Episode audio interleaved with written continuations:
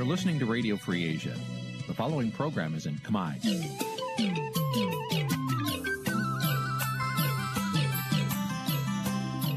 នេះជាកម្មវិធីផ្សាយ Vuthu Azizi Serai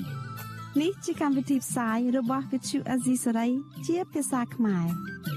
Vuthu Azizi Serai សូមស្វាគមន៍លោកអ្នកនាងទាំងអស់ពីរដ្ឋធានី Washington នៃសហរដ្ឋអាមេរិក ផ្សាយផ្ទាល់ពីរដ្ឋធានី Washington នាងខ្ញុំសកជីវីសូមជម្រាបសួរលោកអ្នកនាងកញ្ញាដែលកំពុងតាមដានការផ្សាយរបស់ Vuthu Azizi Serai ទាំងអស់ជាទីមេត្រីចាស់យើងខ្ញុំសូមជូនកម្មវិធីផ្សាយសម្រាប់យប់ថ្ងៃច័ន្ទចាប់ពីរោចខែចែកឆ្នាំខាលចត្វាស័កពុទ្ធសករាជ2565ចាប់ត្រូវនៅថ្ងៃទី18ខែមេសាគ្រិស្តសករាជ2022ចាស់ជាដំបូងនេះសូមអញ្ជើញលោកអ្នកនាងស្ដាប់ព័ត៌មានប្រចាំថ្ងៃដែលមានមេត្តាដូចតទៅ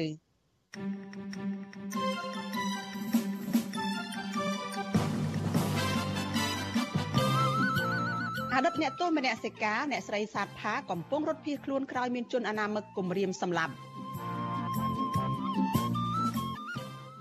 លោកជុនច័ន្ទបុតរាយការណ៍ផ្ទាល់ពីប្រទេសអូស្ត្រាលីស្ដីពីគណៈបកប្រជាជនកម្ពុជាពង្រីកឥទ្ធិពលនៅទីនោះតុលាការបដិសេធមិនផ្ដល់លិខិតឆ្លងដែនឲ្យអតីតអ្នករាយការណ៍ព័ត៌មានរបស់វិទ្យុអាស៊ីសេរី គ្រួសារសកម្មជនគណៈបកភ្លើងទៀនស្នើតុលាការខេត្តពោធិ៍សាត់ដោះលែងឪពុកពីពន្ធនាគារនៅមុនការបោះឆ្នោតរួមនឹងព័ត៌មានសំខាន់ៗមួយចំនួនទៀត។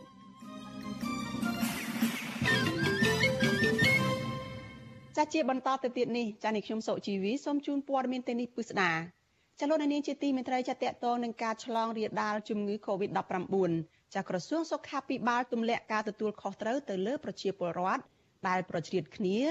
លេងនៅក្នុងពិធីបុណ្យចូលឆ្នាំថ្មីចាសាររបស់ក្រសួងសុខាភិបាលដែលបង្ហោះនៅលើទំព័រ Facebook របស់ក្រសួង នៅថ្ងៃទី18ខែមេសានេះក្រសួងថាការព្រួយបារម្ភឬក៏មិនព្រួយបារម្ភពីការឆ្លងរាលដាលជំងឺ Covid-19 គឺគួរតែពិនិត្យមើលតាមស្ថានភាពនៃការសប្បាយរីករាយរបស់ប្រជាពលរដ្ឋកម្ពុជាចាក្រសួងបន្តថា វាគឺជាការទទួលខុសត្រូវនិងជាការសម្រេចចិត្តរបស់បុគ្គលម្នាក់ម្នាក់ និងក្រុមគ្រួសារដែរនៅក្នុងការអនុវត្តការការពារការឆ្លងជំងឺ Covid-19 ចាសាររបស់ក្រសួងសុខាភិបាលនេះធ្វើឡើងតបទៅនឹងសំណួររបស់អ្នកសារព័ត៌មានអំពីការបើកដៃឲ្យប្រជាពលរដ្ឋខ្មែរប្រជ្រៀតគ្នាដោយម្រាមដៃលេងនៅក្នុងពិធីបុណ្យចូលឆ្នាំថ្មីក្នុងពេលដែលជំងឺ Covid-19 នៅមិនទាន់ទៅណាឆ្ងាយនៅឡើយនោះចាអ្នកជំនាញសុខាភិបាល អ្នកជំនាញអសុទ្ធសាស្ត្រនិងមន្ត្រីអង្គការសង្គមស៊ីវិលបារម្ភ និងប្រមានពីគ្រោះមហន្តរាយនៃការរីករាលដាលជំងឺ Covid-19 ជាទ្រង់ទ្រាយធំម្ដងទៀតដោយយល់ទៅលើការបើកដៃពីអាជ្ញាធរឲ្យប្រជាពលរដ្ឋប្រជ្រៀតគ្នាមិនពាក់ម៉ាស់និងលែងការពារខ្លួនពីជំងឺ Covid-19 បែបនេះចាទោះជាយ៉ាងនេះក្តីក្រសួងសុខាភិបាលថាក្រសួងនៅមិនទាន់អាចវាយតម្លៃពីស្ថានភាពនៃការឆ្លងនោះបាននៅឡើយទេព្រោះទើបតែបញ្ចប់ពិធីបុណ្យចូលឆ្នាំថ្មី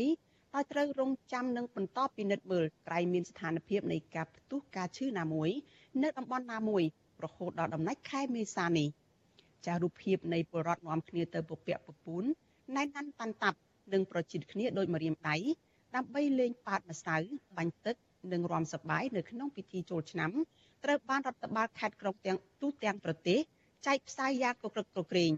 ជាការដែលពលរដ្ឋបណ្ដោយខ្លួននិងធ្វេសប្រហែសលែងខ្វល់នឹងវិធានការបង្ការជំងឺ Covid-19 នេះគឺកើតមានឡើងក្រោយពេលដែលលោកនាយរដ្ឋមន្ត្រីហ៊ុនសែនប្រកាសឲ្យផ្អាកអនុវត្តច្បាប់គ្រប់គ្រងជំងឺ Covid ព្រោះតាមទម្លាប់ធម្មតារបស់ប្រជាពលរដ្ឋរបស់យើងគឺលេងមុនមួយអាទិត្យនិងលេងក្រោយកន្លះខែទៅទៀតខ្ញុំគ្មានបំណងដាក់បំរាមណាមួយ ទៅលើការលេងនោះទេ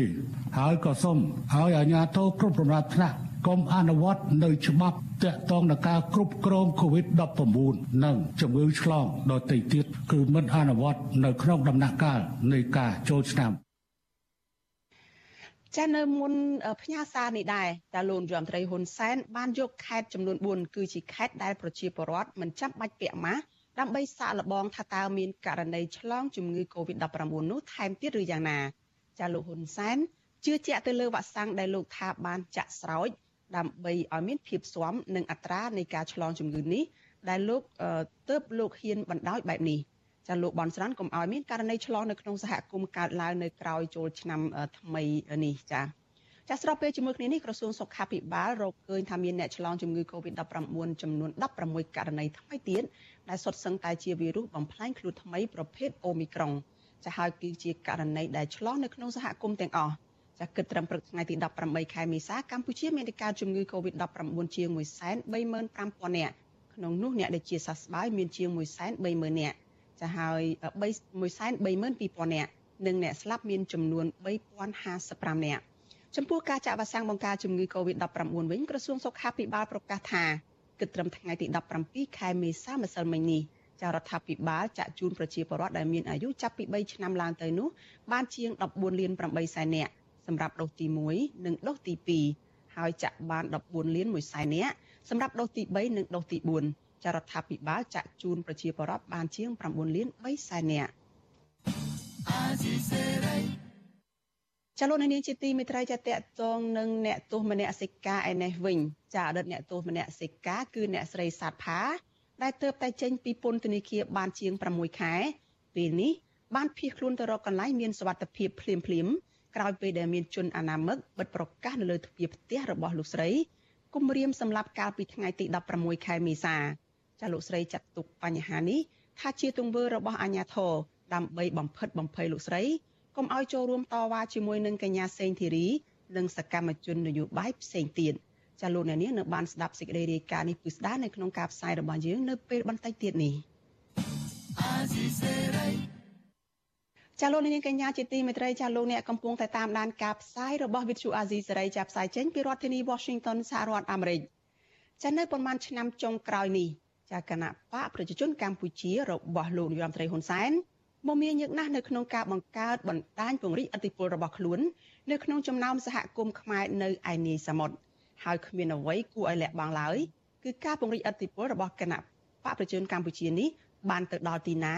តែមានការបែកបាក់ប្រេះឆានៅក្នុងចំណោមសហគមន៍ខ្មែរនៅទីនោះ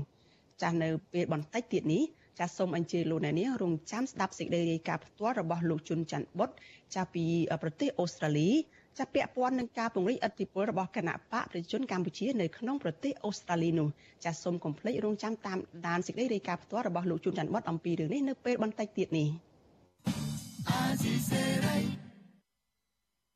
ចលនានាងកញ្ញាជាទីមេត្រីចាស់ប្រជាពលរដ្ឋខ្មែរជាច្រើនដែលរស់នៅរដ្ឋវីកតូរីយ៉ានៃប្រទេសអូស្ត្រាលីចាសស្វាគមន៍ចំពោះវត្តមានរបស់ក្រមវិទ្យុក្រមការងារវិទ្យុអាស៊ីសេរីនៅប្រទេសអូស្ត្រាលីចាស់ពួកគាត់យល់ថាវត្តមានរបស់វិទ្យុអាស៊ីសេរីនេះនឹងជួយពង្រឹងការផ្តល់ព័ត៌មានពិតនិងមានប្រយោជន៍ទៅដល់ប្រជាពលរដ្ឋបន្ថែមទៀតចាសសូមស្ដាប់មតិស្វាគមន៍របស់ប្រជាពលរដ្ឋខ្មែរដែលរៀបចំជូនដល់លោកថាថៃពីប្រទេសអូស្ត្រាលីដូចតទៅ។ ខ្ញុំឈ្មោះជាយូហុនហើយខ្ញុំជាប្រធានសមាគមខ្មែររដ្ឋវិកតូរី ខ្ញុំថាអស្ចារ្យណាស់ហើយខ្ញុំសប្បាយចិត្តណាស់ដែលបានវិទ្យុអស៊ីសេរីនឹងមកចូលនៅក្នុងប្រទេសអូស្ត្រាលីហើយជាពិសេសគឺនៅក្នុងរដ្ឋដែលខ្ញុំនៅតែម្ដងគឺរដ្ឋវិកតូរីនេះពីព្រោះនៅរដ្ឋវិកតូរីនេះបើយើងគិតពីប្រជាជនខ្មែរយើងមានប្រហែលជា20000នាក់ដែរហើយប្រជាជនហ្នឹងគឺវាមានជនភៀសខ្លួនហើយនឹងជាជនអន្តោប្រវេសន៍ដែលមកពីប្រទេសកម្ពុជាតាមរយៈធានាគ្រួសារចុងក្រោយបំផុតហើយនឹងធានាឪពុកម្ដាយហើយនឹងធានាប្តីប្រពន្ធមកពីប្រទេសកម្ពុជាក៏ប៉ុន្តែទន្ទឹមនឹងហ្នឹងក៏មានប្រជាជនញូហ្សេឡង់ដែលបានរស់នៅញូហ្សេឡង់យូរហើយដែលមានសញ្ជាតិញូហ្សេឡង់ហ្នឹងក៏គេប្តូរទីលំនៅមករស់នៅនៅក្នុងរដ្ឋវិកតូរីយើងនេះដូច្នេះខ្ញុំសប្បាយចិត្តគឺសូថាអសិលសិទ្ធិនឹងបានមកបើក office នៅនៅរដ្ឋវីកតូរីយើងនេះហើយជាពិសេសទៅទៀតគឺបើកាលណាក្មួយមកដល់រដ្ឋវីកតូរីហើយក្មួយមាន សួរដេញដោលអីចង់និយាយមានប្រសាសន៍យ៉ាងម៉េចគឺអាហ្នឹងគឺជាសិទ្ធិជាជាសេរីភាពរបស់ប្រជាជនអូស្ត្រាលីយើងអត់មានទៅអត់ខ្លាចរដ្ឋាភិបាលលោកហ៊ុនសែននៅប្រទេសខ្មែរទេគឺថាយើងយើងនិយាយមិនក៏បានតែអញ្ចឹងហើយបានតែថាបានយើងយើងវាមានសិទ្ធិមានសេរីភាពក្នុងការនិយាយស្ដីហើយជាពិសេសគឺយើងទាំងអស់គ្នាចង់ឲ្យបានលទ្ធិប្រជាធិបតេយ្យនៅប្រទេសកម្ពុជាជាពិសេសគឺក្នុងការបោះឆ្នោតនឹងម្ដងបោះឆ្នោតនឹងបើកាលណាប្រជារាស្ត្រខ្មែរនឹងចង់បានអស់លោកណាសម្បាច់ណា ឡើងធ្វើជានាយករដ្ឋមន្ត្រីក៏ឡើងទៅ ឲ្យតែឈ្នះឈ្នះដោយដោយដោយយុត្តិធម៌ជៀសវាងកុំបន្លែបន្លំកុំធ្វើបាបកុំធ្វើទុកបុកម្នេញដល់ប្រជារាស្ត្រខ្មែរយើងទាំងអស់គ្នាយើងយើងចង់បានតែប្រប៉ាត់នោះទេយើងទាំងអស់គ្នាដែលរស់នៅអូស្ត្រាលីនេះគឺយើងតែងតែគិតប្រទេសខ្មែរយើងហ្នឹងគឺជាប្រទេសដើមកំណើតរបស់យើងទាំងអស់គ្នាដែលយើងស្រឡាញ់ដែលយើងខំថែរក្សានៅវប្បធម៌អរិយធម៌ហើយនឹងទំនៀមទម្លាប់របស់ខ្មែរយើងនៅក្នុងប្រទេសអូស្ត្រាលីនេះបាទអរគុណច្រើនហើយសូមជូនពរជ័យសិរីមង្គលដល់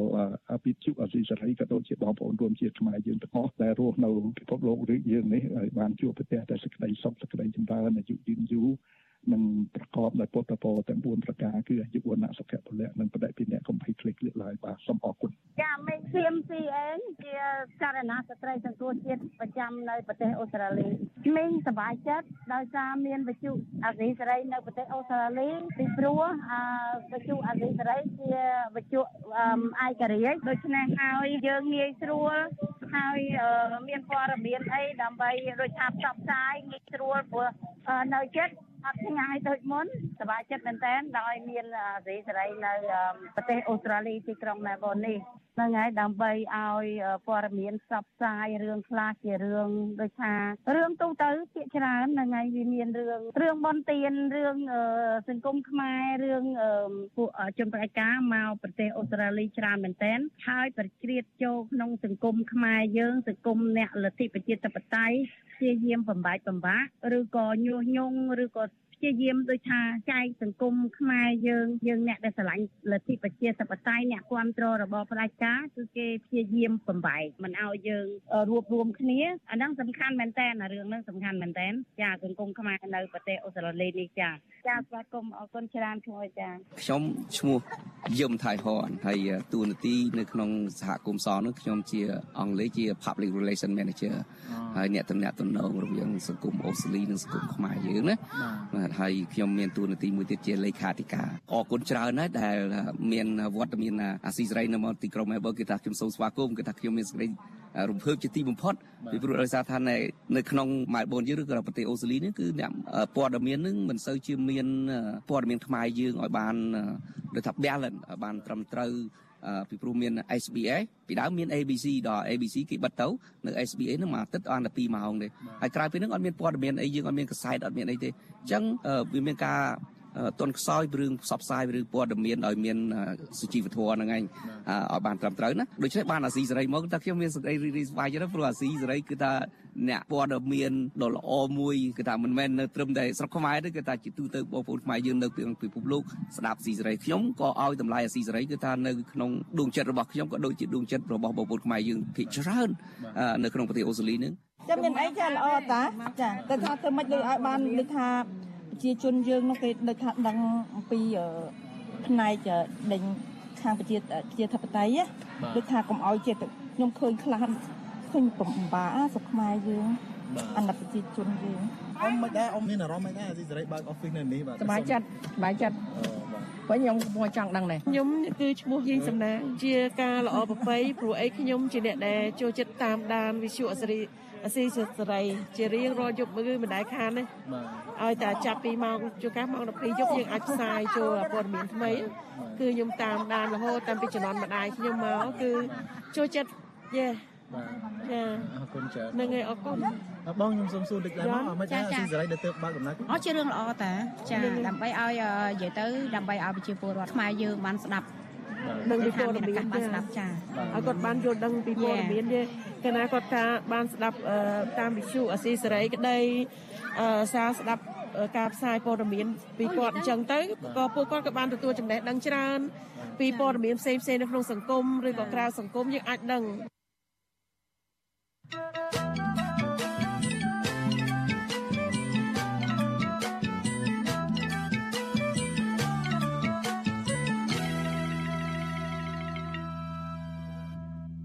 លោកនាងកញ្ញាជាទីមេត្រីចាប៉ុន្មានឆ្នាំចុងក្រោយនេះតាគណៈបកប្រជាជនកម្ពុជារបស់លោកហ៊ុនសែនមមាញឹកណាស់ក្នុងការបង្កើតបណ្ដាញពង្រីកឥទ្ធិពលរបស់ខ្លួននៅក្នុងចំណោមសហគមន៍ខ្មែរនៅឯនាយសមុទ្រហើយគ្មានអ្វីគួរឲ្យលាក់បាំងឡើយ ការពង្រីកឥទ្ធិពលរបស់គណៈបកកាន់អំណាចនេះទៅដល់ទីណាគឺតែងតែមានការបែកបាក់ប្រេះឆានៅក្នុងចំណោមសហគមន៍ខ្មែរនៅទីនោះ។ចាសសូមអញ្ជើញលោកអ្នកនាងរងចាំស្ដាប់សេចក្តីរាយការណ៍ផ្ទាល់របស់លោកជួនច័ន្ទបុតចាពីប្រទេសអូស្ត្រាលីចាដែលលោកកំពុងតែបញ្ចប់បេសកកម្មថ្ងៃចុងក្រោយរបស់លោកនៅទីនោះចាសូមកុំភ្លេចតាមដានបទសេចក្តីរាយការណ៍ផ្ទាល់របស់លោកជនិតបុតនៅពេលបន្តិចទៀតនេះ ចលនានាងកញ្ញាជាទីមេត្រីចាព័ត៌មានតកតងនឹងអ្នកទោសមនសិការវិញម្ដងចាអតីតអ្នកទោសមនសិការគឺអ្នកស្រីសាទផាដែលទើបតែចេញពីពន្ធនាគារបានរយៈពេលជាង6ខែចាបានភៀសខ្លួនទៅរកកន្លែងមានសវត្ថភាពភ្លាមភ្លាមក្រោយពេលដែលមានជនអនាមិកបានបិទប្រកាសនៅលើទ្វារផ្ទះគម្រាមសម្លាប់កាលពីថ្ងៃទី16ខែមេសាចាលោកស្រីចាត់ទុកបញ្ហានេះថាជាទង្វើរបស់អាជ្ញាធរដើម្បីបំផិតបំភ័យលោកស្រី កុំឲ្យចូលរួមតវ៉ាជាមួយនឹងកញ្ញាសេងធីរីនិងសកម្មជននយោបាយនោះបន្តទៅទៀតចាលោកលេងម៉ាលីមានសេចក្តីរាយការណ៍អំពីរឿងនេះអ្នកគាំទ្រគណៈបកសង្គ្រោះជាតិនិងជាអ្នកទោសមនសិការលោកស្រីសាទផាបានភៀសខ្លួនទៅដល់កន្លែងមានសុវត្ថិភាពហើយនៅថ្ងៃទី18មេសាលោកស្រីសាទផាប្រាប់វិទ្យុអស៊ីសេរីនៅថ្ងៃដដែលនេះថាលោកស្រីបានភៀសខ្លួនចេញពីផ្ទះតាំងពីថ្ងៃទី16មេសាដោយសារភ័យខ្លាច គេលបសម្លាប់លោកស្រីដោយសកម្មជនគណៈបកប្រឆាំងដទៃទៀតក្រោយពីមានជនអនាមិកបិទប្រកាសនៅលើទ្វារផ្ទះរបស់លោកស្រីគម្រាមថាប្រសិនបើថ្ងៃណាទៅតវ៉ាទៀតនឹងបាត់ខ្លួនលោកស្រីជឿជាក់ថាការគម្រាមនេះគឺជារបស់អាជ្ញាធររដ្ឋាភិបាលឯកបកដើម្បីបំផិតបំភ័យកុំឲ្យលោកស្រីទៅចូលរួមតវ៉ាជាមួយកញ្ញាសេងធីរីនិងសាច់ញាតិជនជាប់ឃុំដោយសារនយោបាយបន្តទៀតចាប់ខ្ញុំដាក់គុកគេអាចនឹងខ្ញុំនឹងបាត់ខ្លួន ឬខ្ញុំពិការមួយជីវិតទៀតអញ្ចឹងខ្ញុំទៅសប្ថ្ងៃហ្នឹងគឺរបបផ្ដាច់ការគាត់បានតែវាយប្រជាពលរដ្ឋស្លាប់ប្រជាពលរដ្ឋចាប់ប្រជាពលរដ្ឋដាក់គុកមិនដែលរកភាពយុត្តិធម៌ឲ្យទេអញ្ចឹងយុត្តិធម៌នៅតែមាត់គាត់សម្រាប់តាចាប់ចងដាក់គុកនិងបាត់ខ្លួន លោកស្រីសាទផាត្រូវបានអាជ្ញាធរដោះលែងពីពន្ធនាគារកាលពីខែតុលាឆ្នាំ2021បន្ទាប់ពីជាប់ពន្ធនាគារអស់រយៈពេល1ឆ្នាំក្រោមបទញុះញង់ឲ្យមានការរើសអើងក្រោយពេលចេញពីពន្ធនាគារលោកស្រីតែងតែចូលរួមតវ៉ាជាមួយសាច់ញាតិជនជាប់ឃុំដោយសារនយោបាយហើយបានចូលរួមតវ៉ាដោយអហិង្សាជាមួយកញ្ញាសេងធីរីជារៀងរាល់សប្តាហ៍វិទ្យុអស៊ីសេរីមិនទាន់អាចតាក់ទងแนะនាំពាក្យស្នងការដ្ឋាននគរបាលរាជធានីភ្នំពេញលោកសានសុកសីហា ដើម្បីសុំសេចក្តីដើម្បីសុំសេចក្តីអធិប្បាយជុំវិញបញ្ហានេះបានទេនៅថ្ងៃទី18មេសាដោយសារទូរស័ព្ទហៅចូលពុំមានអ្នកទទួលប៉ុន្តែអ្នកនាំពាក្យគណៈបកប្រជាជនកម្ពុជាលោកសុកអេសានប្រាប់វិទ្យុអស៊ីសេរីថាអាញាធរដឹកនាំដោយគណៈបកប្រជាជនកម្ពុជាមិនបានបិទប្រកាសគម្រាមសម្លាប់លោកស្រីនោះទេលោកសុកអេសានបន្តថាពួកអ្នកភៀសខ្លួនទាំងអស់នោះអាចយកលេសនយោបាយនេះទៅជ្រកកោននឹងអង្គការសហប្រជាជាតិ ដើម្បីបានសិទ្ធិទៅរស់នៅប្រទេសទី3ប៉ុណ្ណោះ អានឹងគេហៅថាជាឆាកលខោនប្រឌិតដើម្បីឲ្យមានកើតហេតុទៅជារឿងនយោបាយណាដើម្បីទៅថាថារឿងនយោបាយទៅដើម្បីគេវាមានសិទ្ធិភៀសខ្លួនខាងនយោបាយអានឹងវាមានបន្តបន្តមកហើយកន្លងទៅនេះអស់លោកខ្លះរកច្រកចេញអត់បាន ចង់ទៅនៅបរទេសហើយក៏ប្រឌិតរឿងនឹងឡើងកើតឡើងខ្ញុំទោះបើថាបិទនៅកន្លែងណាមិនថាទេព្រោះថានៅភ្នំពេញខ្ញុំយល់ថាកន្លែងណាក៏មានរដ្ឋអំណាចមូលដ្ឋានគេក្រងមានសមត្ថកិច្ចគេតាមដានការពារជុំវិញរឿងនេះអ្នកនាំពាក្យសមាគមការពារសិទ្ធិមនុស្សអាត់ហុកលោកសឹងសានករណាយល់ថាការភៀសខ្លួននយោបាយនេះជាការធ្វើទុកបុកម្នេញកើតមានតាំងពីយូរមកហើយជាពិសេសថ្មីថ្មីនេះក្រោយពីការរំលាយគណៈបកសង្គ្រោះជាតិក៏មានអ្នករត់ភៀសខ្លួនទៅប្រទេសថៃនិងម៉ាឡេស៊ីជាបន្តបន្ទាប់លោកបន្តថាការតវ៉ាដោយសន្តិវិធីជាសិទ្ធិសេរីភាពរបស់ប្រជាពលរដ្ឋស្របតាមរដ្ឋធម្មនុញ្ញអាជ្ញាធរមិនត្រូវបំបិទសិទ្ធិពលរដ្ឋឡើយ ខ្ញុំមើលឃើញក្នុងរយៈពេលពេលថ្មីថ្មីដូចជានាពេលកន្លងមកហ្នឹងយើងឃើញថាមានការទៅធ្វើទុកបុកម្នេញទៅដល់ក្រៅប្រទេសនឹងទៀតដូចជានៅថៃយើងឃើញមានការបកកហិង្សាទៅលើសកម្មជនបពប្រឆាំងនៅទីនោះហើយមានការចាប់បញ្ជូនចំពោះអ្នកដែលហ៊ានបញ្ចេញមតិតាមបណ្ដាញសង្គមទៅលើថ្នាក់ដឹកនាំរដ្ឋាភិបាលឬក៏ថ្នាក់ដឹកនាំគណៈបកកម្មាបច្ចុប្បន្ននេះហ្នឹងគាត់បានទៅដល់ហ្នឹងយើងឃើញថាមានការចាប់ខ្លួនបញ្ជូនមកវិញជាបន្តបន្ទាប់ហ្នឹង ថ្មីថ្មីនេះសមាគមជាតិនិងអន្តរជាតិបានចេញរបាយការណ៍ព្រួយបារម្ភអំពីការរំលោភសិទ្ធិមនុស្សនិងការធ្វើទុកបុកម្នេញមកលើសកម្មជនគណៈបកភ្លឹងទៀននិងប្រជាពលរដ្ឋដែលហ៊ានរិះគន់រដ្ឋាភិបាលឯកបកជាបន្តបន្ទាប់ហើយពួកគេស្នើដល់រដ្ឋាភិបាលឲ្យងាកមកដើរតាមគន្លងប្រជាធិបតេយ្យឡើងវិញខ្ញុំបាទលេងម៉ាលីវិទ្យុអស៊ីសេរីរាយការណ៍ពីរដ្ឋធានី Washington ចាលោកនាងកញ្ញាជាទីមេត្រីចានៅប្រហែលឆ្នាំចុងក្រោយនេះ ចាគណៈបកប្រជាជនកម្ពុជារបស់លោកហ៊ុនសែនគឺមមាញឹកណាស់ក្នុងការបង្កើតបណ្ដាញពង្រីកឥទ្ធិពលរបស់ខ្លួនចានៅក្នុងចំណោមសហគមន៍ខ្មែរនៅឯនីសមុទ្រចាហើយគ្មានអ្វីគួរឲ្យលាក់បាំងឡើយការពង្រីកឥទ្ធិពលរបស់គណៈបកប្រជាជនកម្ពុជានេះចាទៅដល់ទីណាមានការបែកបាក់ប្រេះឆានៅក្នុងចំណោមសហគមន៍ខ្មែរនៅទីនោះ ចាជាបន្តទៅទៀតនេះចាសូមអញ្ជើញលោកអ្នកនាងចាស្ដាប់សេចក្តីរាយការណ៍ផ្ទាល់របស់លោកជុនច័ន្ទបុតចាអំពីការពង្រីកអធិបុលរបស់គណៈបកប្រជាជនកម្ពុជាចាប់នៅប្រទេសអូស្ត្រាលីចាជាទីដែលលោកកំពុងតែបញ្ចប់ថ្ងៃបេសកកម្មចុងក្រោយរបស់លោកចាសូមជម្រាបសួរលោកជុនច័ន្ទបុតពីចម្ងាយចាបាទសូមជម្រាបសួរអ្នកស្រីសុជីវីហើយនិងសូមជម្រាបសួរដល់លោកអ្នកស្ដាប់ទាំងអស់ពីចម្ងាយបាទ ចាលោកជុនច័ន្ទបុតនៅក្នុងដំណើរបេសកកម្មរបស់លោកនេះចាមកដល់ពេលនេះតើលោកនឹងសុខទុក្ខយ៉ាងណាទៅចាឃ្លាតឆ្ងាយពីផ្ទះច្រើនថ្ងៃមកហើយនេះចាមិនជាអ្វីទេប៉ុន្តែគ្រាន់ថាចេញពីសហរដ្ឋអាមេរិកមកពេលដែលកំពុងតែរៀបចំក្តៅឡើងវិញក៏ប៉ុន្តែមកដល់ប្រទេសអូស្ត្រាលីនេះកំពុងតែ ចាប់ផ្ដើមតិចអ្នកស្រីសុជីវីដឹងហើយថាធិបអាកាសរវាងប្រទេសអាមេរិកហើយនិងប្រទេសអូស្ត្រាលីនេះផ្ទុយគ្នាបើអាមេរិកចាប់ផ្ដើមក្តៅ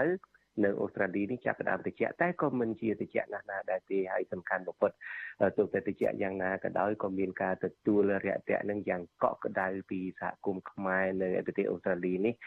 ទាំងនៅក្រុងមែលប៊នហើយទាំងនៅក្រុងស៊ីដនីទីដែលខ្ញុំកំពុងតែបញ្ចប់បេសកកម្មថ្ងៃចុងក្រោយនេះបាទ ចាលោកជុនច័ន្ទបុតចង់ដឹងពីដំណើរបេសកកម្មរបស់លោកទៅប្រទេសអូស្ត្រាលីនេះចាជាទូទៅនឹងយើងបានដឹងហើយថាវិទ្យុអាស៊ីសេរីនឹង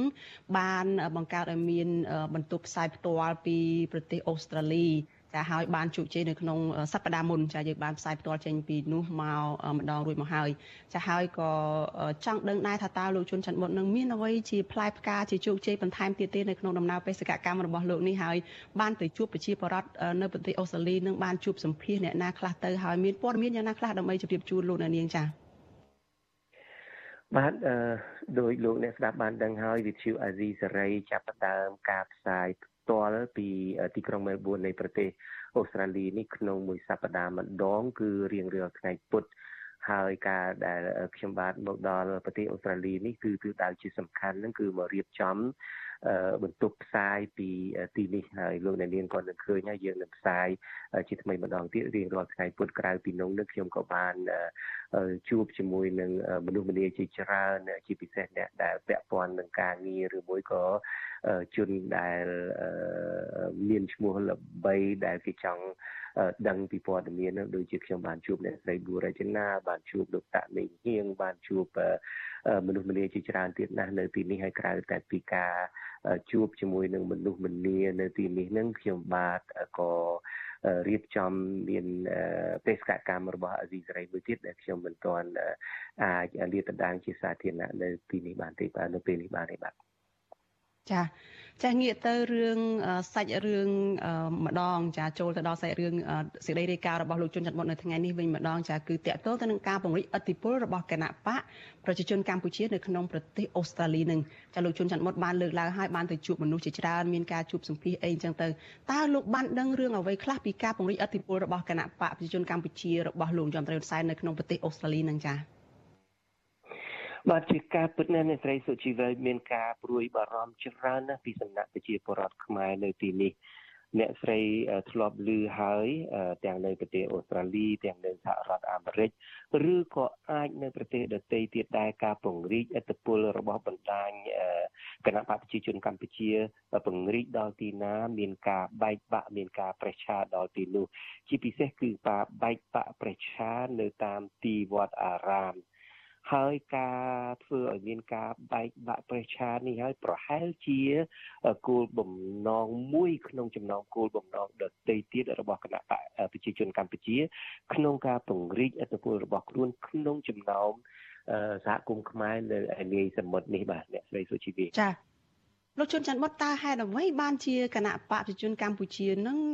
មកចង់ឲ្យមានការបំបែកបំបាក់អីនៅក្នុងចំណោមប្រជាពលរដ្ឋឬក៏សហគមន៍ នៅឯឆ្ងាយឯនេះសមុទ្រដល់ប្រទេសអូស្ត្រាលីនឹងចា បាទអឺសំណួរនេះសំខាន់ខ្ញុំក៏សួរសំណួរនេះស្តៀងគ្នាតែទៅមនុស្សមួយចំនួនជាពិសេសអ្នកដែលស្រាវជ្រាវអំពីការពង្រីកអធិបុលរបស់គណៈបកប្រជាជនកម្ពុជានៅឯសហគមន៍ខ្មែរនៅឯនេះសមុទ្រជាពិសេសនៅប្រទេសអូស្ត្រាលីនេះសំណួរយើងឆ្ងល់ថាបើសិនជាប្រជាពលរដ្ឋខ្មែរដែលនៅក្រៅប្រទេសនេះអត់ទាំងមានសិទ្ធិបោះឆ្នោតផងតើហេតុអីក៏ត្រូវការចង់មកបានអធិបុលអីជាមួយនឹងប្រជាពលរដ្ឋខ្មែរនៅក្រៅប្រទេសនេះទៅវិញអឺបើមិនទៅមានអីបោះឆ្នោតផងនោះតាមពិតការបំបែកបំបាក់នេះគឺជាយុទ្ធសាស្ត្រមួយដែលលោកនាយករដ្ឋមន្ត្រីហ៊ុនសែនហើយនិងក្រុមរបស់លោកនឹងតែងប្រើប្រាស់បានជោគជ័យជាច្រើនដងរួចមកហើយនៅក្នុងប្រទេសជាពិសេសជាមួយនឹងគណៈបកនយោបាយ យុទ្ធសាស្ត្រនេះតាមពិតមិនមែនជាយុទ្ធសាស្ត្រអីថ្មីទេគ្រាន់តែលោកនាយករដ្ឋមន្ត្រីហ៊ុនសែនជ្រើសរើសយកមកប្រើដែលធ្លាប់មានប្រសិទ្ធភាពហើយលោកក៏ប្រើម្ដងទៀតទៅអ្នកណាក៏ស្គាល់ជាទូទៅដែរបើជាភាសាអង់គ្លេសគេថា divide and conquer មានន័យថាបំបែកជាផ្នែកតូចតូចហើយសង្ត្រួតត្រាតាមក្រោយចា៎ លោកជុនច័ន្ទបុតគណៈបកកាន់អំណាចថាចង់បានឲ្យមានការគ្រប់គ្រងឬក៏ឲ្យមានការបំផិតបំភ័យឬក៏ការបានសម្លេងពីប្រជាពលរដ្ឋនៅក្នុងស្រុកគឺដើម្បីចង់បានសម្លេងសម្រាប់ការបោះឆ្នោតចុះចំពោះប្រជាពលរដ្ឋនៅឯនេះសមុទ្រនឹងតើគណៈបកកាន់អំណាចចង់បានអ្វីពីសហគមន៍ខ្មែរនៅឯក្រៅប្រទេសនឹងពីព្រោះ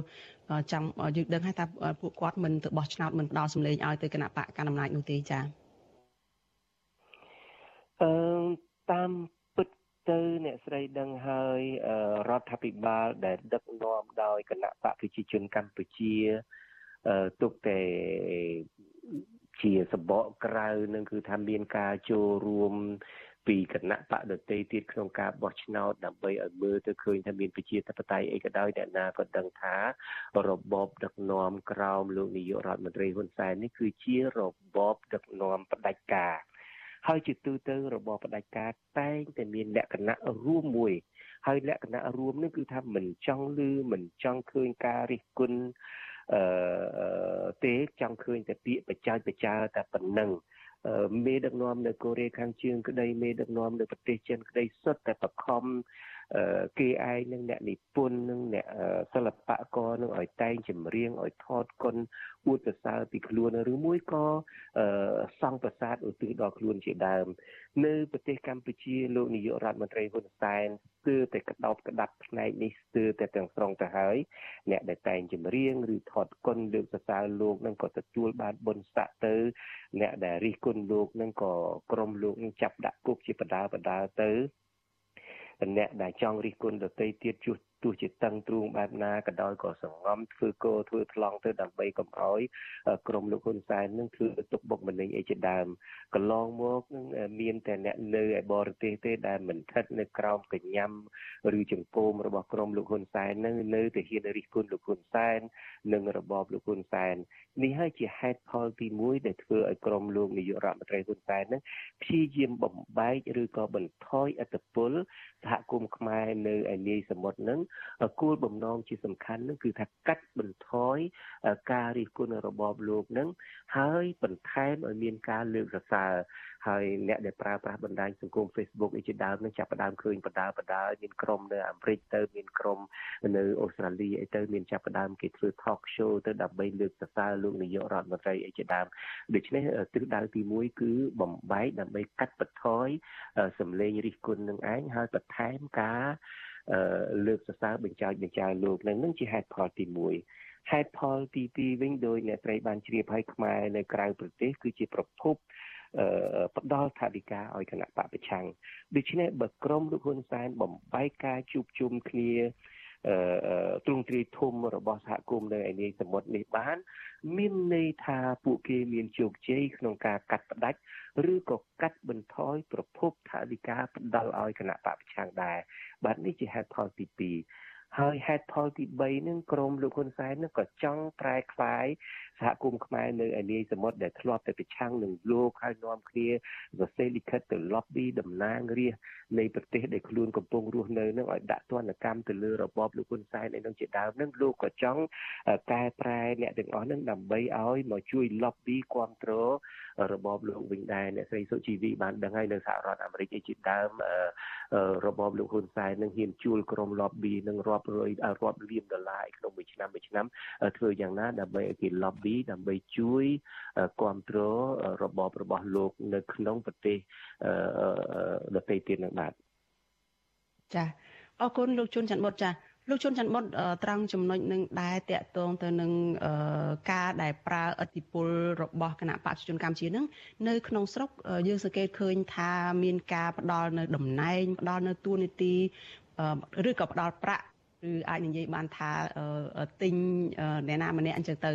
ចុះចំពោះនៅឯក្រៅប្រទេសនេះវិញតើគណៈបកកណ្ដាលអំណាចនឹងប្រើមធ្យោបាយអីយ៉ាងម៉េចទៅលោកជនចិត្តមកបានសង្កេតឃើញនឹងថាយ៉ាងម៉េចខ្លះចាមធ្យោបាយដែលប្រើប្រាស់ដើម្បីឲ្យមានការពង្រីកអធិបុលហើយមានការបែកបាក់អីនៅក្នុងសហគមន៍នឹងចា បាទរឿងនេះមិនសូវជាខុសគ្នាប៉ុន្មានពីស្ថានភាពនៅក្នុងប្រទេសប្រមាណដែរទេគឺថាការប្រើតំណែងដើម្បីមកទិញឬមួយការប្រើលុយអីហ្នឹងគឺសឹងតែស្តៀងគ្នាទេដូច្នេះហើយបានជាយើងតែងតែ អាករណីនេះគឺមានកើតឡើងជាហូរហែទាំងនៅស្រុកអាមេរិកនិងទាំងនៅប្រទេសអូស្ត្រាលីអីជាដើមអ្នកខ្លះនឹងធ្វើការជាអ្នកចែកបៀតាមកាស៊ីណូអីសោះនឹងទីបំផុតនឹងក៏បានទទួលងារជាឯកឧត្តមអីចឹងទៅហើយក៏ ដាក់ចិត្តដាក់កាយដែលហៅថាបានទូនាទីជាឯកឧត្តមហើយក៏ដាក់ចិត្តដាក់កាយបំរើគណៈបកប្រជាជនកម្ពុជាក្រៅពីចែកបៀជាដើមទៅ ក្នុងការជួយបំបែកសហគមន៍ដែលខ្លួនកំពុងរស់នៅនឹងដែរក្រៅពីនឹងនោះក៏មានការផ្ដល់លុយផ្ដល់កាក់អីដល់ជួយដល់វត្តអារាមអីជាដើមហ្នឹងដើម្បីធ្វើយ៉ាងណាហ្នឹងដើម្បីប្រើអត្តពលលុយហ្នឹងដើម្បី ដណ្ដើមយកអធិបុលផ្នែកអំណាចនិងផ្នែកគ្រប់គ្រងនៅតាមទីវត្តអារាមនឹងឲ្យមកនៅក្រោមគណៈបកប្រជាជនកម្ពុជាវិញបាទចាលោកជួនច័ន្ទបុតតើអាចបញ្ជាក់ឲ្យច្បាស់ជាងនឹងបន្តិចទេថាតើក្រុមមនុស្សប្រភេទណាទៅដែលនៅក្នុងសហគមន៍នៅឯក្រៅប្រទេសនឹងដែល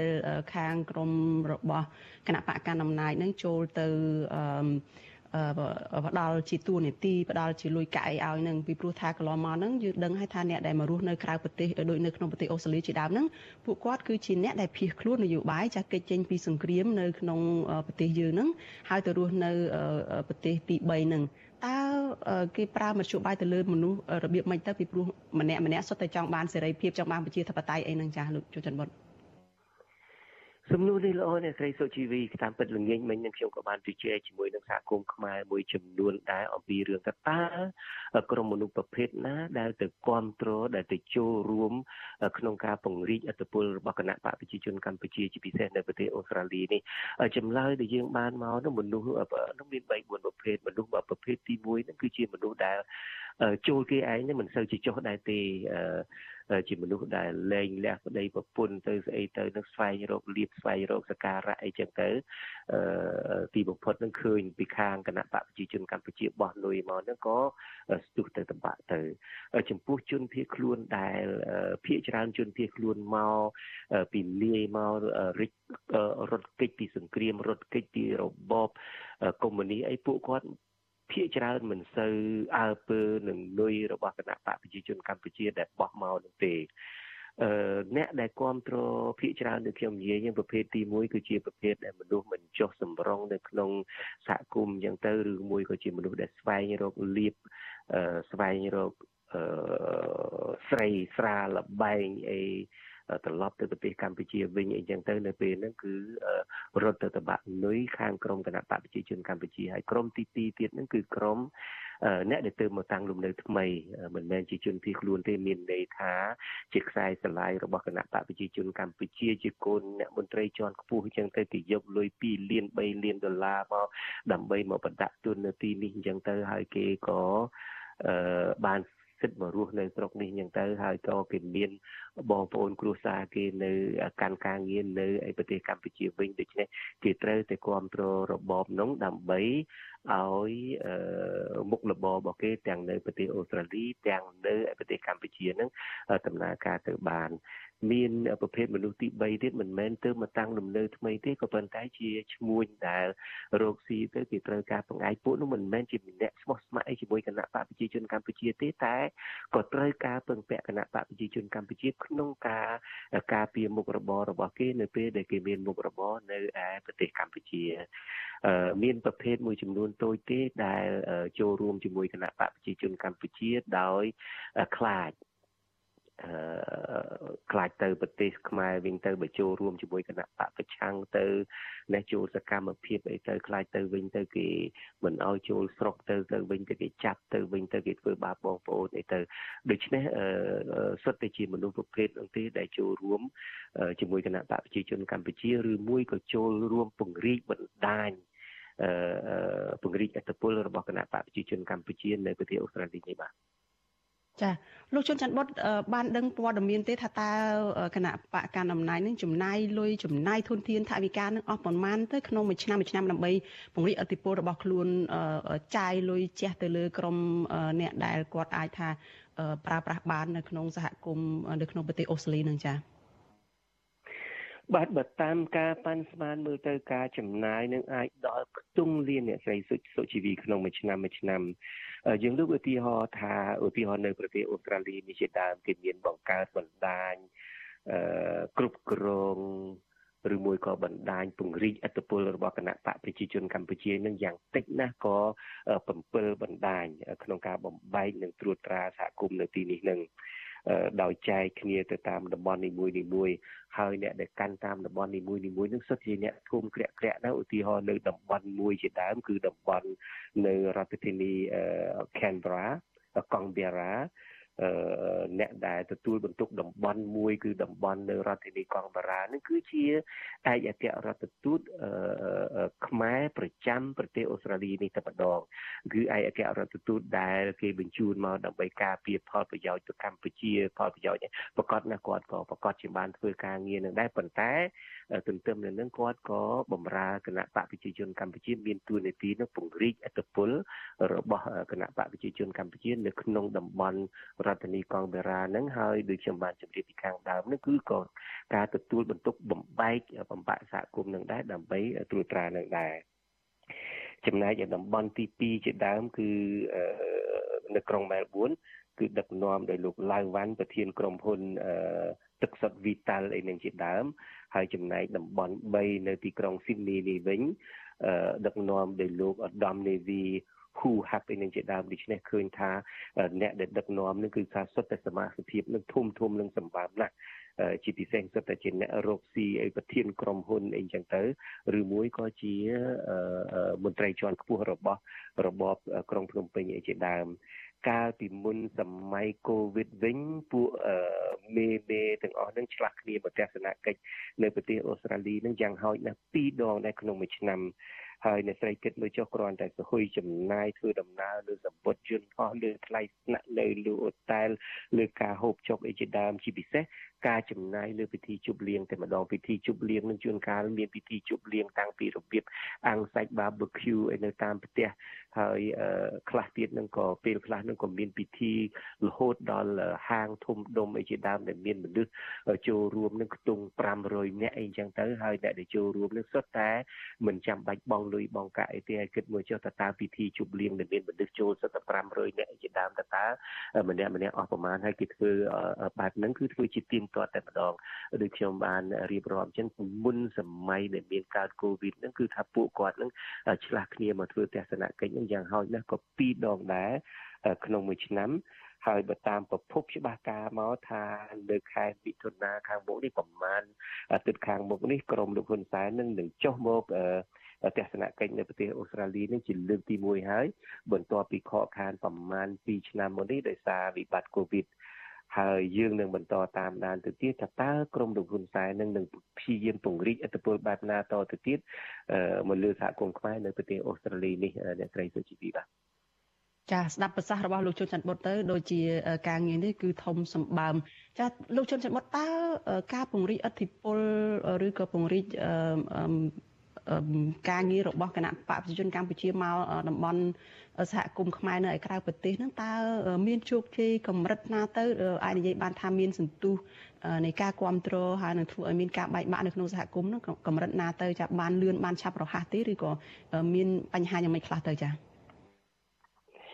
បាទបើតាមមើលទៅនឹងកិច្ចខិតខំប្រឹងប្រែងរបស់ក្រមលោកហ៊ុនសែនហាក់ដូចជាមិនបានជោគជ័យធំដុំអីប្រហែលទេអ្នកស្រីដឹងហើយក្នុងសម័យអឺមានការជឿនលឿនផ្នែកបច្ចេកវិទ្យាដែលធ្វើឲ្យការផ្សព្វផ្សាយព័ត៌មានពិតនឹងបានលឿនហើយបានទូលំទូលាយនឹងមនុស្សអាចមានការថ្លឹងថ្លែងអាចមានការពិចារណាបែងចែកខ្មៅនិងសនឹងគឺថាបានច្បាស់លាស់ល្អណាស់មិនងាយនឹងអា ចនឹងលូលុះលងទៅតាមការអូសទាញនឹងបានស្រួលដូចសម័យមុនទេដូចខ្ញុំបាទបានជម្រាបចឹងដាក់ក្រុមដែលគ្រប់គ្រងនឹងសុទ្ធតែមានផលប្រយោជន៍សុទ្ធតែជាមនុស្សដែលមានទំនាក់ទំនងអីជាមួយនឹងមន្ត្រីជាន់ខ្ពស់ឬមួយក៏មានខ្សែស្រឡាយជាមួយថ្នាក់ដឹកនាំអីជាដើម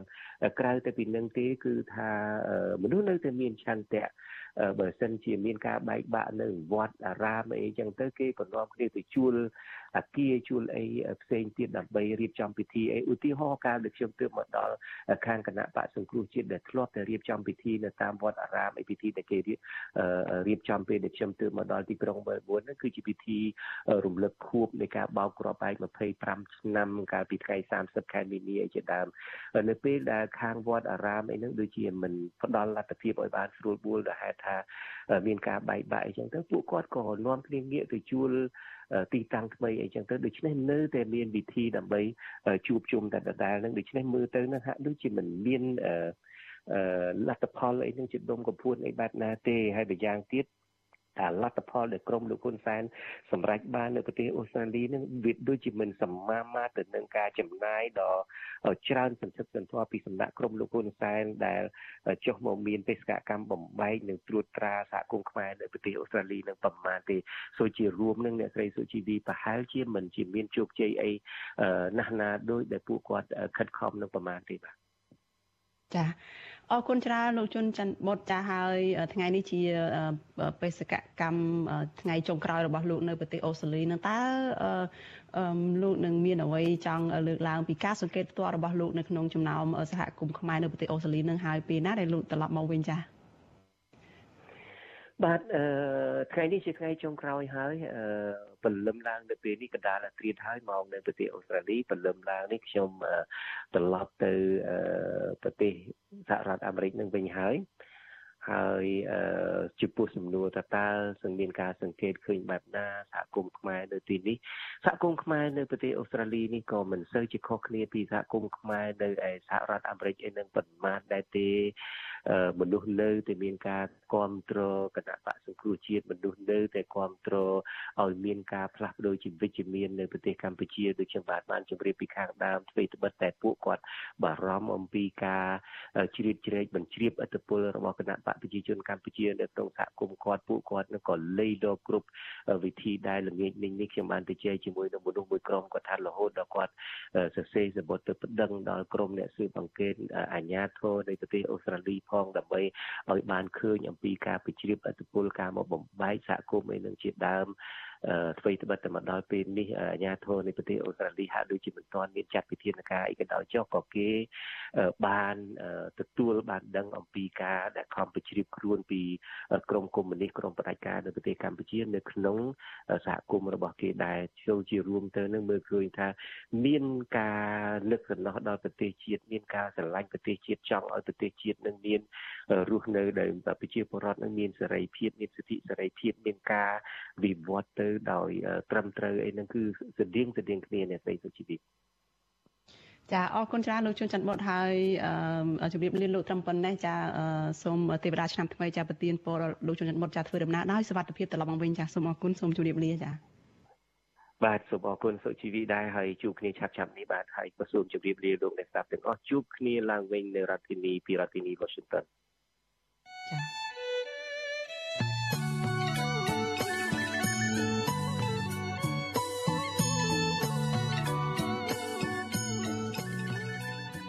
ចាលោកនាងកញ្ញាជាទីមេត្រីចាក្នុងឱកាសនេះចានាងខ្ញុំសូមថ្លែងអំណរគុណដល់លោកអ្នកនាងចាដែលតែងតែមានភក្ដីភាពចំពោះការផ្សាយរបស់វិទ្យុអាស៊ីសេរីចាហើយចាត់ទុកការស្ដាប់វិទ្យុអាស៊ីសេរីនេះគឺជាផ្នែកមួយនៃសកម្មភាពប្រចាំថ្ងៃរបស់លោកអ្នកនាងចាមានការគ្រប់គ្រងរបស់លោកអ្នកនាងនេះហើយដែលធ្វើឲ្យយើងខ្ញុំកាន់តែមានទឹកចិត្តកាន់តែខ្លាំងថែមទៀតចានៅក្នុងការស្វែងរកព័ត៌មាននិងផ្តល់ព័ត៌មានពិតជូនលោកអ្នកនាងចាមានអ្នកស្ដាប់ មានអ្នកទស្សនាកាន់តែច្រើនកាន់តែធ្វើឲ្យយើងខ្ញុំមានភាពស្វាហាប់និងមោះមុតជាបន្តទៅទៀតចាយើងខ្ញុំសូមអរគុណទុកជាមុនហើយក៏សូមអញ្ជើញលោកអ្នកនាងចាចូលរួមចំណែកនៅក្នុងការជំរុញការផ្សាយព័ត៌មានរបស់វិទ្យុអាស៊ីសេរីនេះចាឲ្យកាន់តែជោគជ័យបន្ថែមទៀត ចាលោកអ្នកនាងអាចជួយយើងខ្ញុំបានដោយគ្រាន់តែចុចចែករំលែកការផ្សាយរបស់វិទ្យុអាស៊ីសេរីចានៅលើបណ្ដាញសង្គម Facebook និង YouTube ចាទៅកាន់មិត្តភ័ក្តិរបស់លោកអ្នកនាងចាដើម្បីឲ្យការផ្សាយរបស់យើងនេះបានទៅដល់មនុស្សកាន់តែច្រើនចាសូមអរគុណចាលោកនាងកញ្ញាជាទីមេត្រីចាព័ត៌មានតកតងនឹងអតីតនាយកព័ត៌មានរបស់វិទ្យុអាស៊ីសេរីឯនេះវិញចាស់ចៅក្រមស៊ើបសួរនៃសាលាដំបងរាជធានីភ្នំពេញចាលោកពេជ្រវិជាធរ បដិសេធមិនផ្ដល់លិខិតឆ្លងដែនឬក៏ប៉ាសពតទៅដល់អ្នកយកព័ត៌មានរបស់វិទ្យុអាស៊ីសេរីចាគឺលោកជាងសុធារិនចានៅថ្ងៃទី18ខែមេសានេះចាការបដិសេធនេះគឺបន្ទាប់ពីលោកជាងសុធារិនចាលោកបានស្នើទៅតុលាការកាលពីថ្ងៃទី3ខែមេសាកន្លងទៅនេះ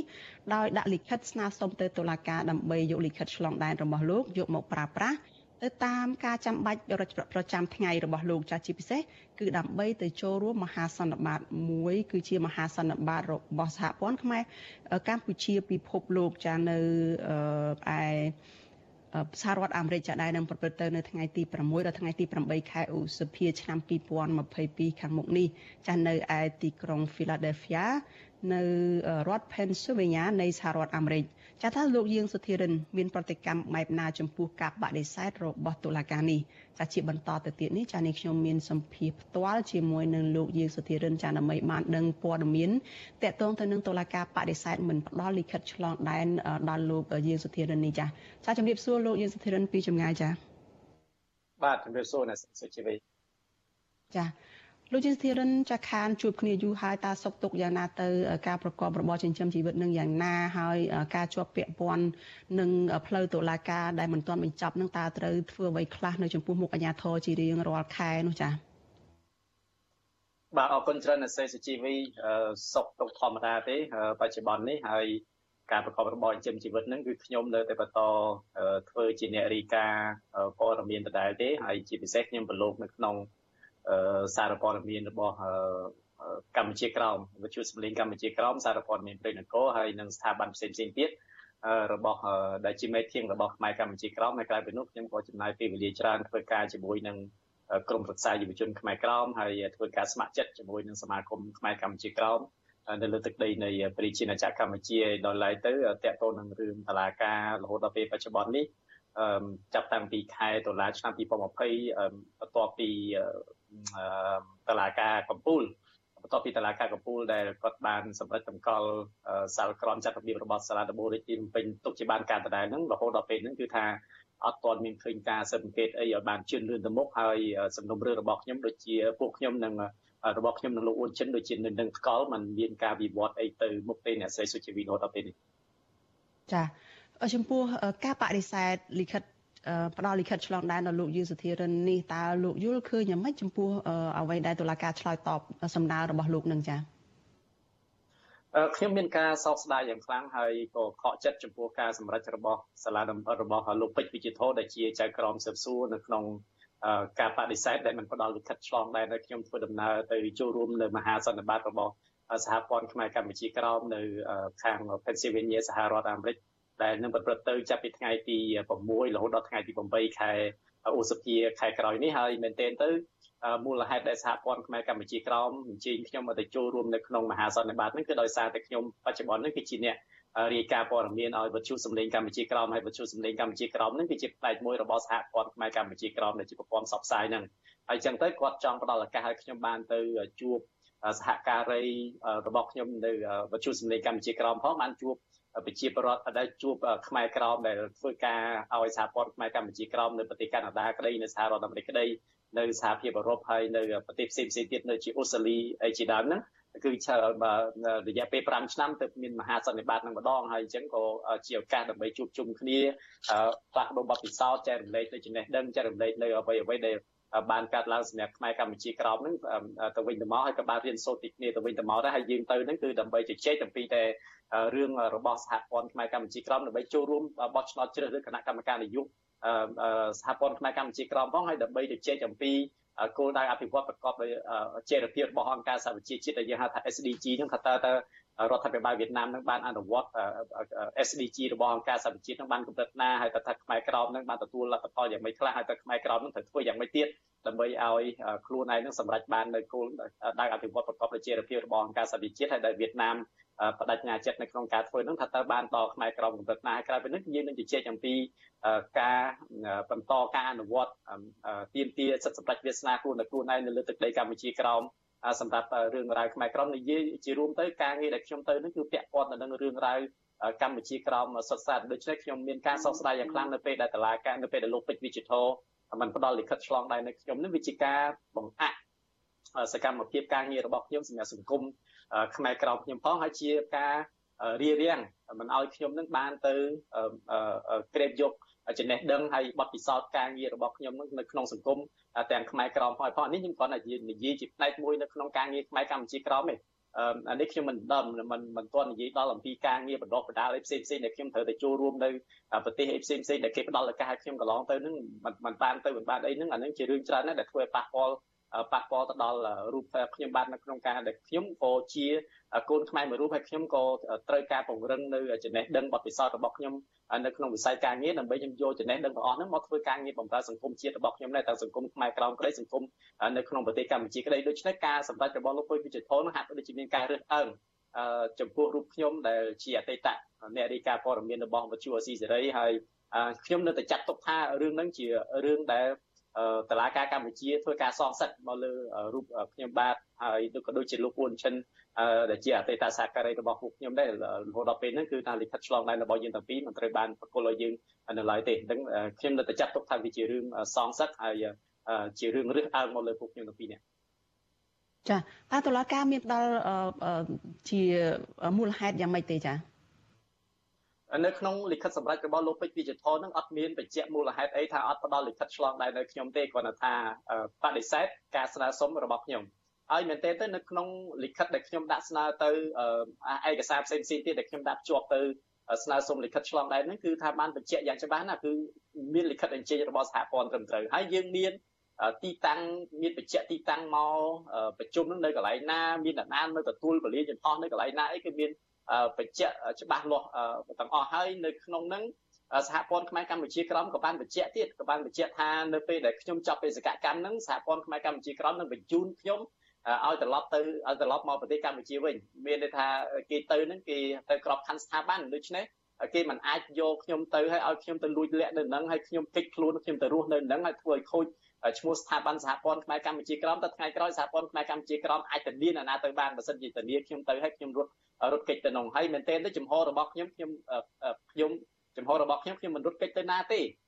ឲ្យតែឲ្យលិខិតឆ្លងដែរទៅខ្ញុំខ្ញុំទៅដល់ពេលខ្ញុំត្រឡប់មកវិញខ្ញុំមកប្រជុំជាមួយតុលាការវិញអានេះខ្ញុំនិយាយស៊ីនខ្ញុំទៅមកខ្ញុំខ្ញុំមិនមែនជាមនុស្សដែលរត់ចោលការទទួលខុសត្រូវឯអាហ្នឹងខ្ញុំខ្ញុំចង់បញ្ជាក់ប្រាប់តុលាការអញ្ចឹងហើយតែក្នុងលិខិតរបស់សហព័ន្ធគេបានបញ្ជាក់ទេខ្លាចថាតុលាការខ្លាចចៅក្រមហ្នឹងមិនទុកចិត្តមិនទុកចិត្តសហព័ន្ធក្រែងយកខ្ញុំទៅឲ្យខ្ញុំលួចលាក់ទៅនោះគេបញ្ជាក់ថាតើចប់បេសកកម្មគេនឹងបញ្ជូនមកវិញហើយអាហ្នឹងជាការសន្យាប៉ុន្តែខ្ញុំសោកស្ដាយហ្នឹងបើថា ខ្ញុំសោកស្ដាយដែលគាត់មិនមិនបញ្ជាក់មូលហេតុស្អីទៅតាមតែខ្ញុំគិតហ្នឹងប្រហែលជា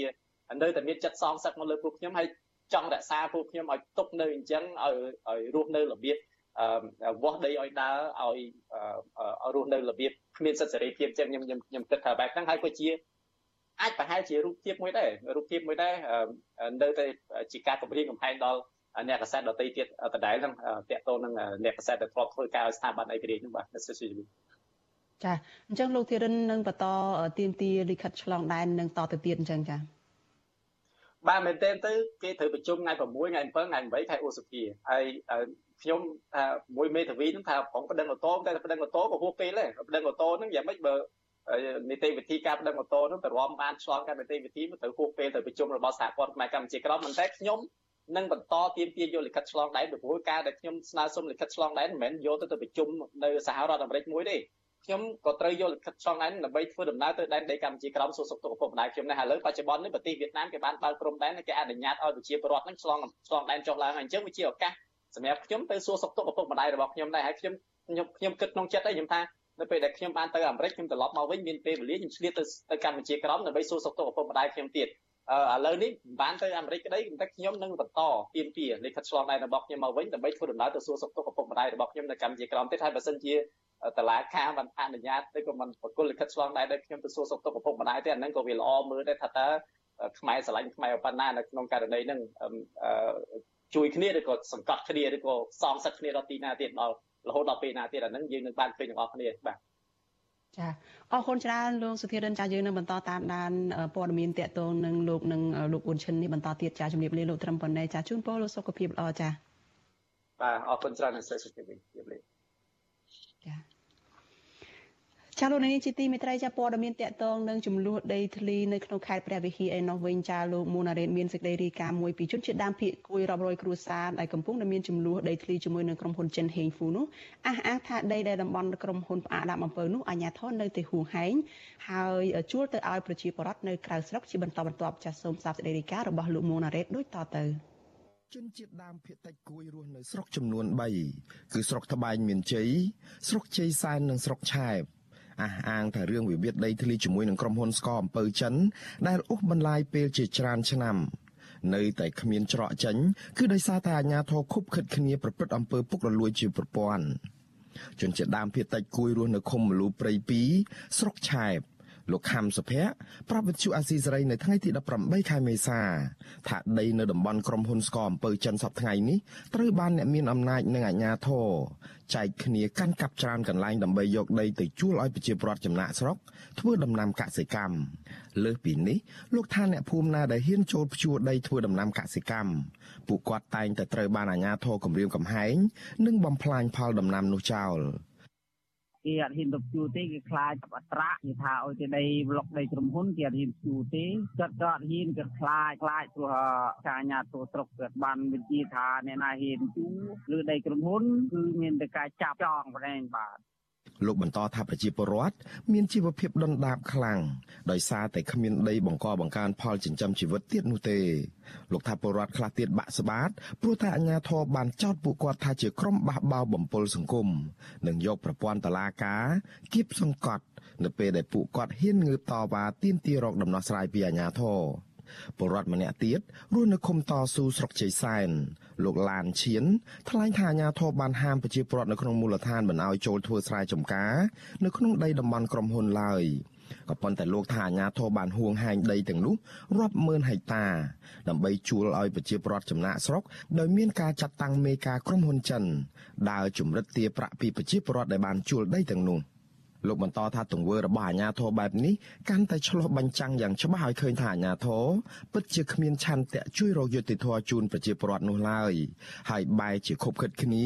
ប្រព្រឹត្តអំពើពុករលួយដើម្បីផលប្រយោជន៍បកពួកទៅវិញ។ មត្តកិច្ចចាត់ចូលជាមួយអ្នកកាំង